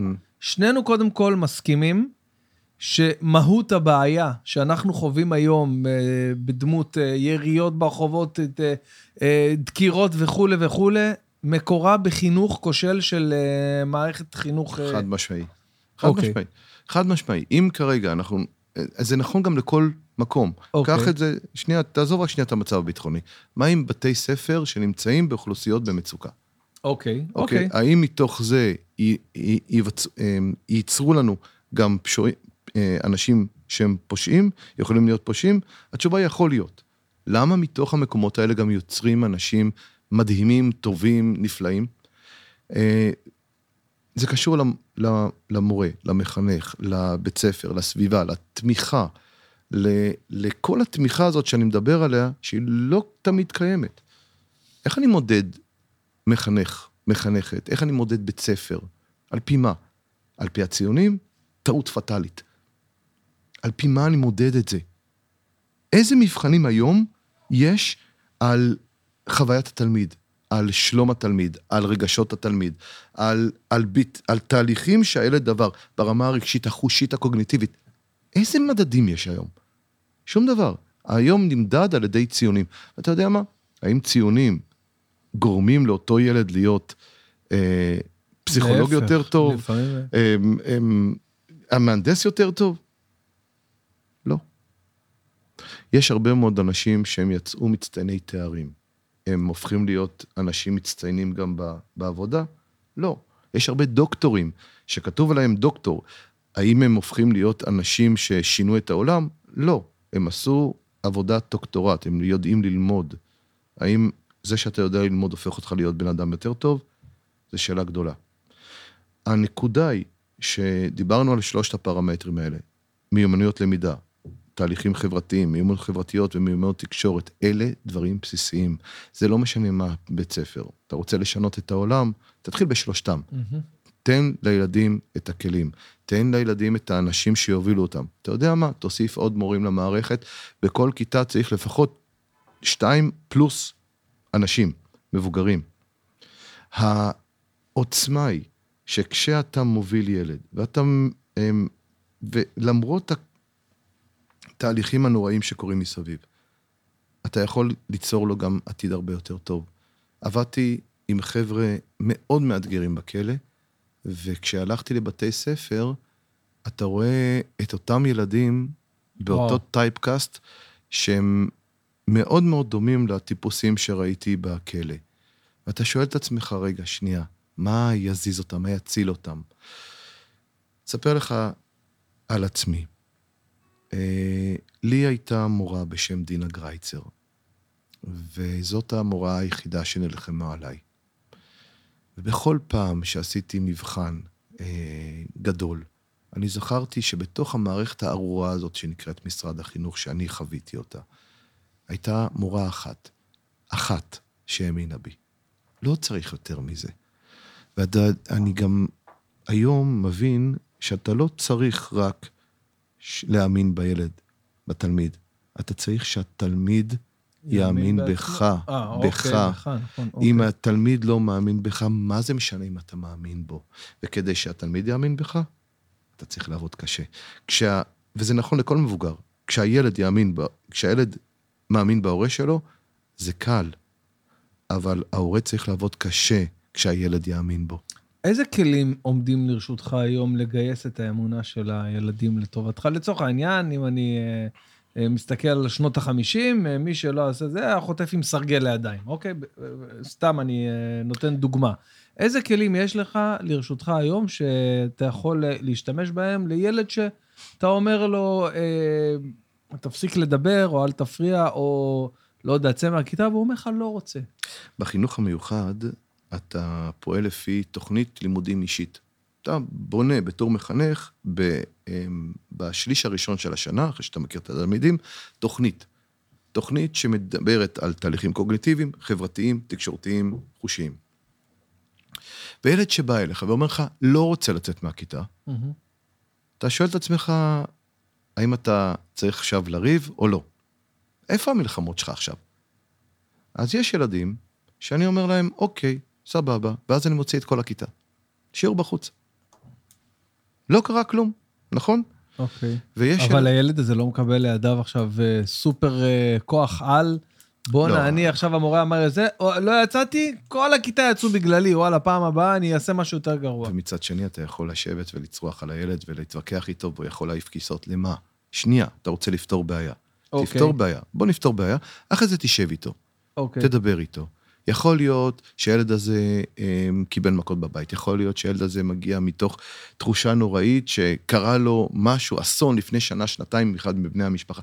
אתה לא יודע. אוקיי. ולכן זה בסדר להניח לפעמים לילד. זה שילד אומר לך לא, תשאל את עצמך מה התגובה הנכונה. כי הבעיה העיקרית זה אני. זוכרת מי אני? כן. אני. אני בתור מורה. מה אני צריך לעשות? באיזה תהליכים לפנות? האם אני כרגע משתמש ב- באגו, וזה שהוא אמר לי לא רוצה? למה מי אתה? וזה שאלות נורא גדולות. אתה, אתה כרגע מניח, אחרי זה תדבר איתו. זה בסדר לפעמים להניח. זה בסדר שהילד לא יפתח את החוברת שלו. אתה יודע מה? זה בסדר. למה? כי הוא צריך את הפרוסס שלו. כי כרגע שקרה לך, כאשר לך, כואב לך, לא נעים לך וכולי, אתה, בתור מבוגר, יכול להגיד ולתווך. לא, ילד לא יכול. לא תמיד. ויכול להיות שהוא גם לא סומך עליי כדי להגיד לי, זה גם בסדר. וזה בסדר. זה בסדר להניח, זה בסדר, אה, אה, ל- אם אתה מרגיש שלא טוב עם עצמך, לא לעשות. זה בסדר. שנייה רגע, דקה. אם כרגע הילד מגיע מזה שיש לו סרטים בבית, וההורים שלו נניח מתגרשים, או יש לו, הוא ראה משהו נורא מחריד אתמול בלילה בטלוויזיה, והם רואים, או שלחו לו כל מיני דברים בוואטסאפ, אה, והוא היה צריך לעשות דברים נוראים מבחינתו, והוא בא לכיתה עם כל הסל הזה, ומה שהוא צריך זה המלחמה הזאת. תניח, תניח, לא צריך להיכנס למלחמות. תבחר את המלחמות. אחרי זה, שב איתו בצד, תדבר איתו וכולי, ויכול להיות היום הוא יספר לך, ויכול להיות הוא לא יספר לך. תשחרר. מהמם. פרוסס, תהליך. בניית אמון. יש ילדים נכון. שאני, שאני יודע היום, במידה ואני לא מניח להם, מלחמת עולם. למה? המטרה שלי כרגע, שהוא ירגיש יותר טוב, שאני ארגיש יותר טוב. הוא רוצה פוס, סבבה. צא החוצה, חמש דקות תרוץ, תלך, ת, ת, תלך לשירותים, אה, תלך עם חבר. בוא נבחר, תבחר מה שאתה רוצה, תבחר. נכון הדבר גם לגבי חינוך רגיל, אתה מדבר איתי? ברור. כן, חינוך אה, הילדים שלי גם אותו דבר? ברור. אתה ממליץ לי כאילו לצורך העניין, אם. הילדה שלי עכשיו נכנסה ל- תשמע, להתעקשות וזה. בואו נדבר קצת עלינו, כן? אוקיי. אה, אה, יש לי את רמי בבית ספר ורמי בבית. כי בבית זה נורא אישי. וזה נורא קשה מול הילדים שלך. אוקיי. אה, כן, נכון, זה... זה נורא קשה, כאילו, אתה יודע, זה... גם. מיכל דליות אמרה לי את זה, כן. כאילו, ממש, כן. אז, אז במקום שלי בבית, לפעמים אני תופס את עצמי מזה שאשתי אומרת לי, תקשיב, אתה לא היית בסדר וכולי, אה, במצב שאני יותר קשוח. עם הילד או עם הילדה. ו... ואני לומד על עצמי, לומד להיות אבא יותר טוב, כי, כי רק אם אתה יודע להתבונן ולעצור, אתה מבין ש... שעשית טעות, או, או אמרת מילה לא נכונה, או הרמת את הקול. זה מלמד, הדברים האלה מלמדים אם אתה פתוח לקבל ביקורת ואתה לא באגו של להיות הורה, כי אני הורה, נכון? אתה צריך לכבד אותי. כשהיינו קטנים, היה לי את אבא ואת אימא, כן, הם לא... זה ממש... זה, זה, זה מסע של, של למידה עצמית נורא לא פשוטה. ושוב, אתה עדיין חוזר למקומות האלה שאתה היית רגיל אליהם. איך אימא התייחסה אליך, איך אבא התייחס אליך, ככה אתה יודע להעביר בבית. בחוץ אתה מנסה לשפר את עצמך, אוקיי? בבית יכול להיות שאתה אה, עושה דברים מטורפים וכולי, וזה בסדר, אוקיי? כי זה בבית. אבל עדיין אתה צריך ללמוד על עצמך, האם זה בסדר או לא בסדר. האם אני אה, עשיתי נכון או לא עשיתי נכון. כי אף אחד לא לימד אותנו להיות הורים. אנחנו לומדים כשאנחנו מתבוננים על עצמנו. התבוננות מלשון תבונה, מהמם. תמיד. אני חוזר לאותה שאלה ששאלתי אותך לגבי אה, מערכת החינוך אה, בחברה הערבית, אוקיי? אה, כמובן שיש שם את המשקל המאוד מאוד כבד של האידיאולוגיה שלהם, שאתה יודע, מושך את הספינה הזאת לכיוון מאוד מאוד בעייתי עבורנו, ל- לאורך דורות ושנים כבר, זה לא משהו חדש. Mhm. אה, שאלה, השאלה שאותי מעניינת זה האם באמת אה, אה, אנחנו, כאילו בידינו לבוא ואולי לתת כלים, אולי לתת איזושהי תמיכה למערכת החינוך הערבית. האם יש משהו לעשות כדי, כדי לפחות להציל את הדור הבא? אתה מבין מה אני מתכוון? כי עכשיו, מה שקורה פה עם אלה שהולכים ודוקרים וגרזנים ויורים, ו... אלה חבר'ה בני, לא יודע, 20, אה, 30, לא יודע כמה שהם, כאילו מהדור הקודם שלימדו אותם ואמרו להם, לך... שאלה אם אנחנו יכולים להציל את הדור הבא. אמ, כשהייתי חייל בסדיר, הייתי במקומות מעניינים, והיה לפעמים שיחות עם אה, חבר'ה שגרים בשטחים. ואתה מבין קודם כל שהם בני אדם, והדבר הכי מרשים ש... שהבנתי, שהוא בכלל לא מכיר אותי. ובאותה נשימה, כשעבדתי עם אה, חבר'ה בחברה החרדית, הם בכלל לא מכירים חילונים. זאת אומרת, יש איזושהי דמות מסוימת של החילוני, יש דמות מסוימת של הערבי מהמם. או של היהודי. תחשוב, אה, אני אתן לך דוגמה מה אנחנו עושים גם בבית ספר לחינוך מיוחד. עושים, לוקחים את החבר'ה ומתערבבים בבית ספר אחר, כדי להתחיל להכיר את האחר ואת השונה. אנחנו כ... אז אנחנו כבני אדם, בתכלס, השנאה נובעת מזה שאנחנו לא מכירים אחד את השני. לא באמת מכירים אחד את השני, וגם לא רוצים להכיר אחד את השני. איך אתה יודע הם, כשבן אדם פוגע בך, או קבוצה של הבן אדם פוגעת בך? אתה לא יודע. אתה לא מכיר את הקבוצה. אוקיי. אתה, אתה, אתה לא מכיר את הבן אדם. יש לי כמה השגות לגבי הדבר הזה, כאילו אולי זה גם חלק מה, מהבעיה שאנחנו לא מכירים ולא רוצים להכיר, כמו נכון. שאתה אומר, אבל יש פה איזה מקור קצת, אה, נראה לי יותר... אה, יש תהליך שאנחנו צריכים לעשות אותו גם בתהליך החינוך, וזה נכון, וגם כן צריכים לבדוק את התכנים, וגם צריכים לבדוק את המקומות שבהם אה, נמצא, אה, אה, מרשים יותר לילדים להשתתף במקומות האלה. זה דברים נורא חשובים.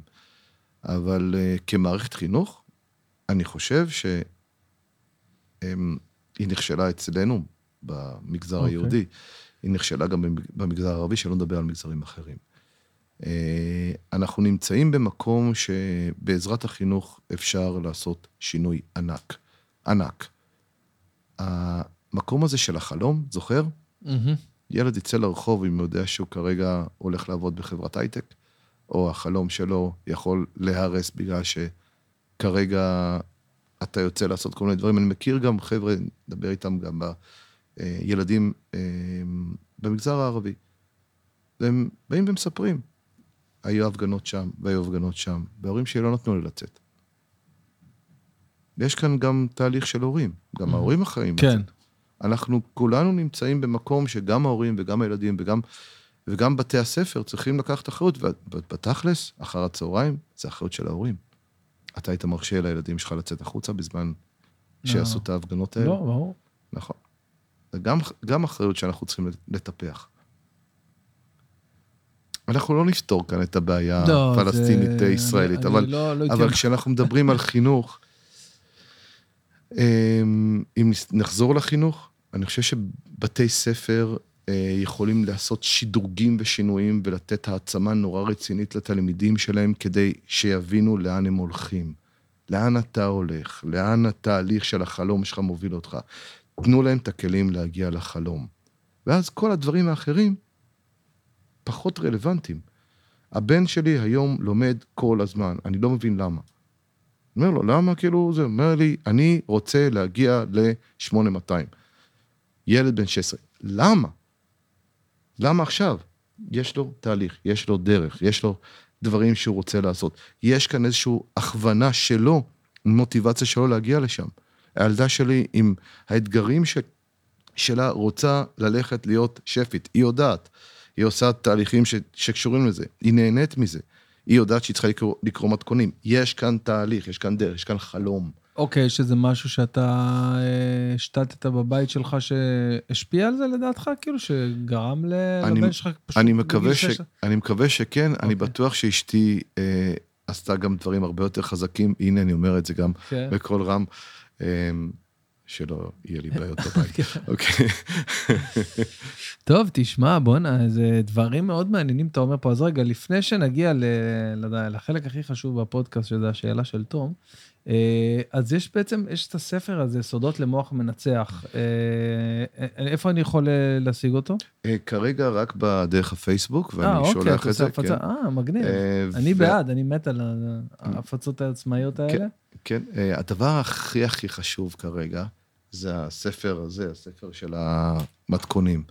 ספר של אוקיי. מתכונים שעוצב על ידי ילדה אצלנו. אה, וזה ספר מתכונים ללא גלוטן וללא סוכר, אוקיי, אה, כמובן עם דבש ומייפל במקום סוכר, כן. ולא קמחים אה, מוזרים, אלא אה, קמח שקדים וטפיוקה, אה, והיופי כאן, שזה כל הכסף הולך בסופו של דבר לבית ספר.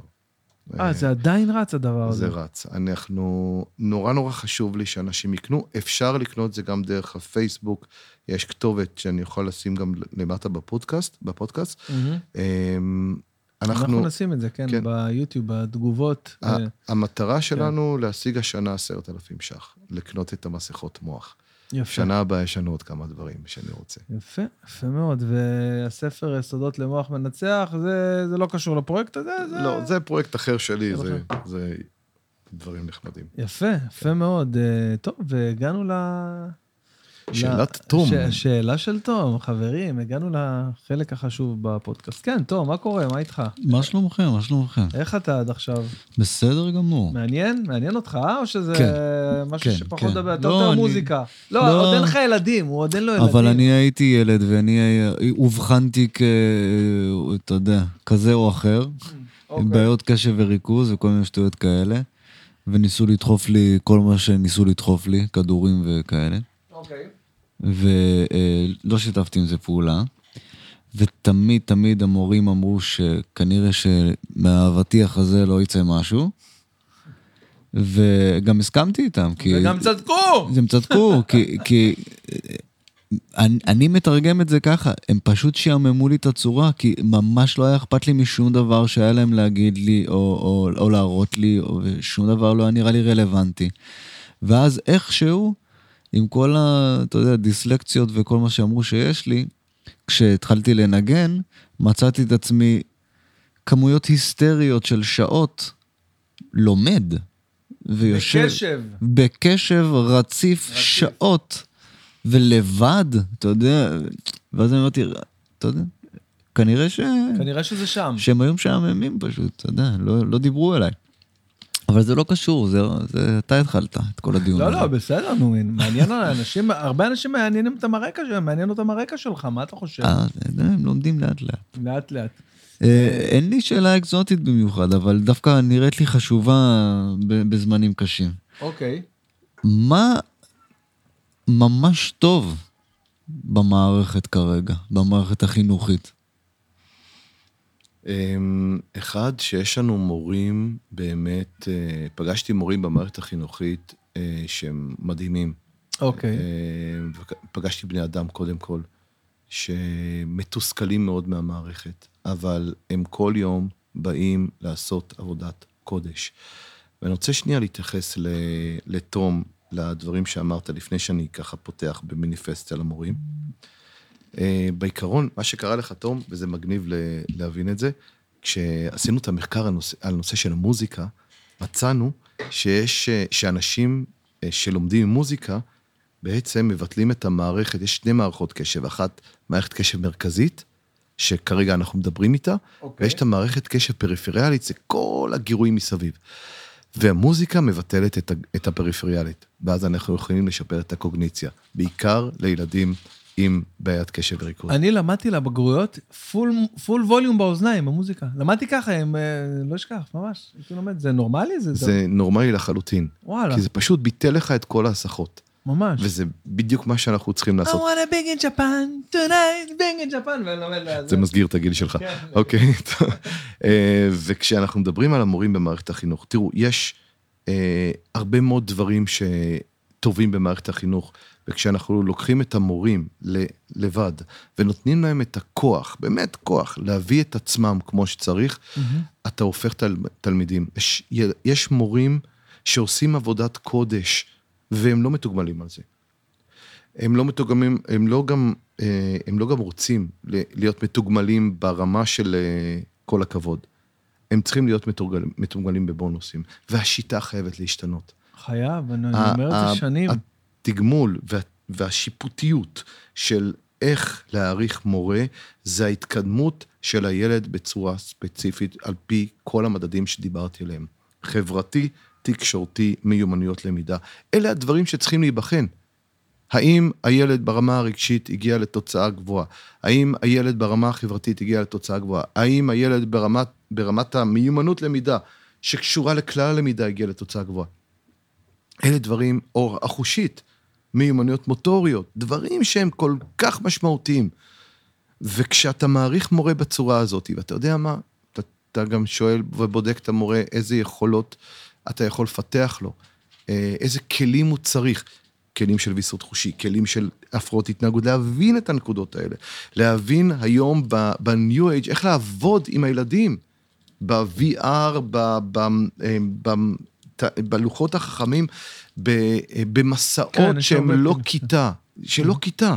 כן. הכיתה זה מבנה של ארבע כיתות, מי אמר בכלל שאנחנו צריכים ללמוד שם? אנחנו יכולים ללמוד גם בטבע, אנחנו יכולים ללמוד בחוץ, אנחנו יכולים ללמוד בסיורים שונים ושונים. הבית ספר, מושג הבית ספר חייב להשתנות. אני די מסכים עם מה שאתה אומר, כן. ממש, כאילו. המורים הטובים ביותר, נכון להיום, זה אנשים שבאים אה, למערכת אחרי שהם עברו תהליכים בחיים. הם למדו כל כך הרבה מבחוץ ויכולים להוסיף ולהעשיר את התלמידים. ולפעמים זה מה שצריך. להביא את, המק... את החבר'ה שעבדו בכל מיני מקומות, שהם חוו חוויות חיים והופכים את הבן אדם למעניין. אמרת מקודם ששעמם אותך, תום. המקום הזה שבו אמור להיות בית ספר, זה צריך להיות חוויה. חוויה, כמו מעניין, הופעה, נכון, כמו נכון. הופעה שלך. כשאתה בא להופעה, אתה בא ליהנות. ואנשים שמגיעים לבית ספר, זו שאלה נורא גדולה, מה אתה עושה בבית ספר? ואם אתה לא נהנה מבית ספר, למה אתה רוצה ללמוד משהו שאתה לא נהנה בו? אז זהו, דווקא לבית ספר אהבתי ללכת, אבל לא לשיעורים. כן, היה לי כיף בבית ספר, Mm. אבל אה, כנראה ששם פחות, בשיעורים. כן, השיעורים, אה, צריך להיות לפעמים אישיות כדי להעביר את זה. נכון. אז איך אנחנו מושכים בעצם את, ה, את אותן אה, אישויות שיכולות באמת לבוא ולקחת את, ה, את הדבר הזה למקומות הנכונים והטובים? זה, זה, זה בסופו של דבר מתבטא רק בכסף? זה בסופו של דבר מתבטא בזה שצריכים כרגע לה, לה, לעצור את משרד החינוך, להביא את כל הכסף לבתי ספר, ומנהלים בסופו של דבר ינהלו את בית ספר אמיתי. ינהלו את התוכנית, תוכניות לימודים, על פי משרד החינוך וכולי, לא משנה כרגע, אה, אה, ינהלו את התהליכים הרגשיים, החברתיים, ייתנו למנהלים כוח וכסף, ואז אתה יכול להעמיד יותר אנשים בכיתות. אבל, אבל אתה בעצם אה, מנסה כאילו לכוון ל, ל, ל, למציאות שאין בה את, ה, את הגוף שאמור להוביל איזשהו... דרך העיריות, בארצות הברית זה מה ככה. זאת אומרת דרך העיריות? בארצות הברית שיטת החינוך היא אוקיי, אחרת. אז איך זה עובד? ספר לי. עירייה אחראית על הסקטור, בעצם על האזור, והעירייה נותנת את, הפולס, לא משרד החינוך. משרד החינוך הוא לא... אז זאת אומרת, אתה יכול, אתה רוצה להגיד לי שבעיר מסוימת יכולים ללמוד חומר אחר לחלוטין, ובעיר אחרת חומר אחר, והם בקצב אחר, והם עושים אני, בגרויות אחרות? מה? נשמע לי הגיוני מאוד. למה לא? אני, אני שואל, האם הבגרויות הוסיפו למישהו? בואו בוא נראה, האם הבגרויות לימדו משהו. בואו נדבר על בולמיה של ציונים. הגעת לבגרות, שנייה אח- לאחר מכן, אומרים לך, אוקיי, מה, ת, תזכיר לי מה היה בשאלה הזאת והזאת, אתה לא זוכר. אין מושג. בולמיה של ציונים. אין נכון. כאן קשר ללמידה. למידה אמורה להיות משהו שייקח אות- ייקח אותו לאורך זמן.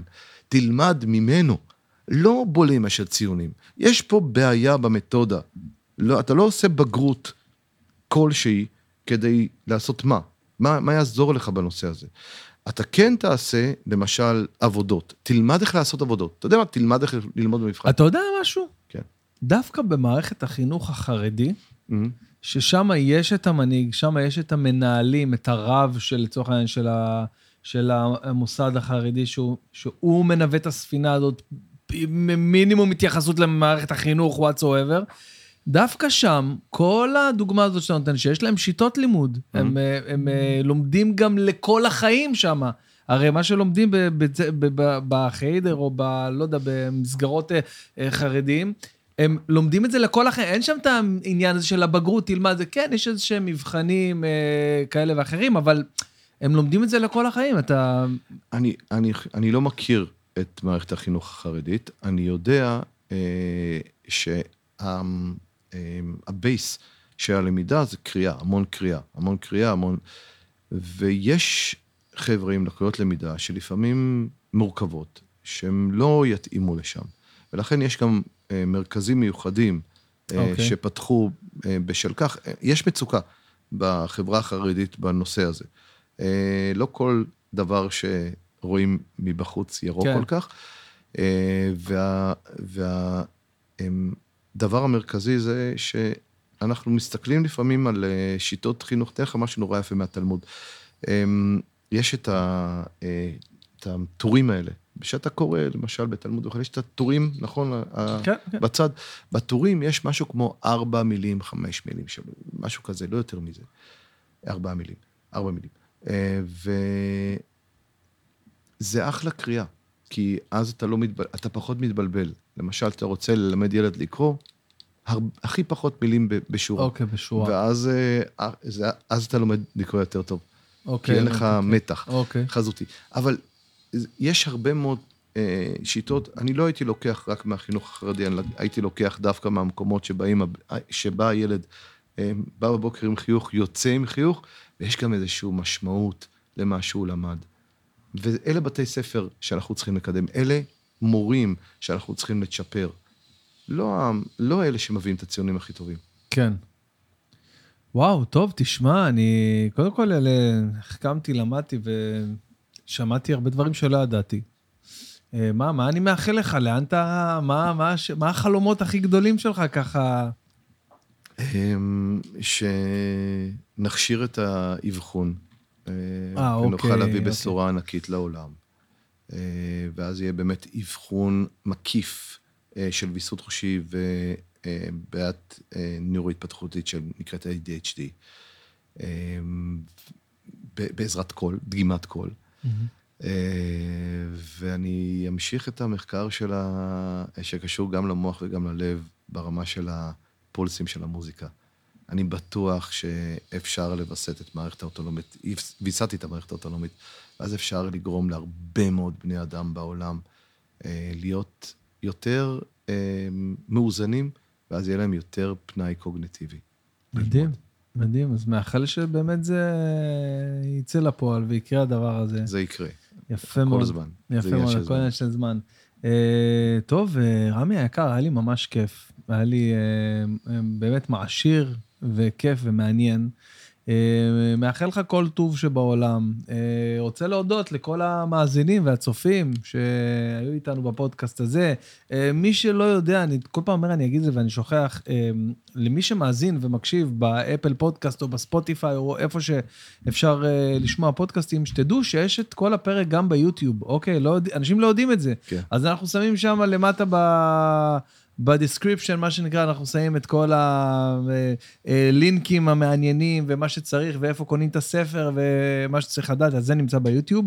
אה, נגיד תודה גם לספונסרים שלנו, לשליש גן עדן, אה, לאניבוק, לשטיח האדום, לרוטנברג, אה, לג'ייקוב רהיטים, ו- אה, ולתום אלבז, כמובן. תודה, תודה. תום אלבז היקר, אה, תודה רבה רמי, היה לי. ממש כיף, ושנדע באמת רק דברים, דברים טובים, בשורות טובות, גם בנושא החינוך וגם באופן כללי בחיינו היומיומיים. אמן. יאללה, כל טוב, ביי ביי.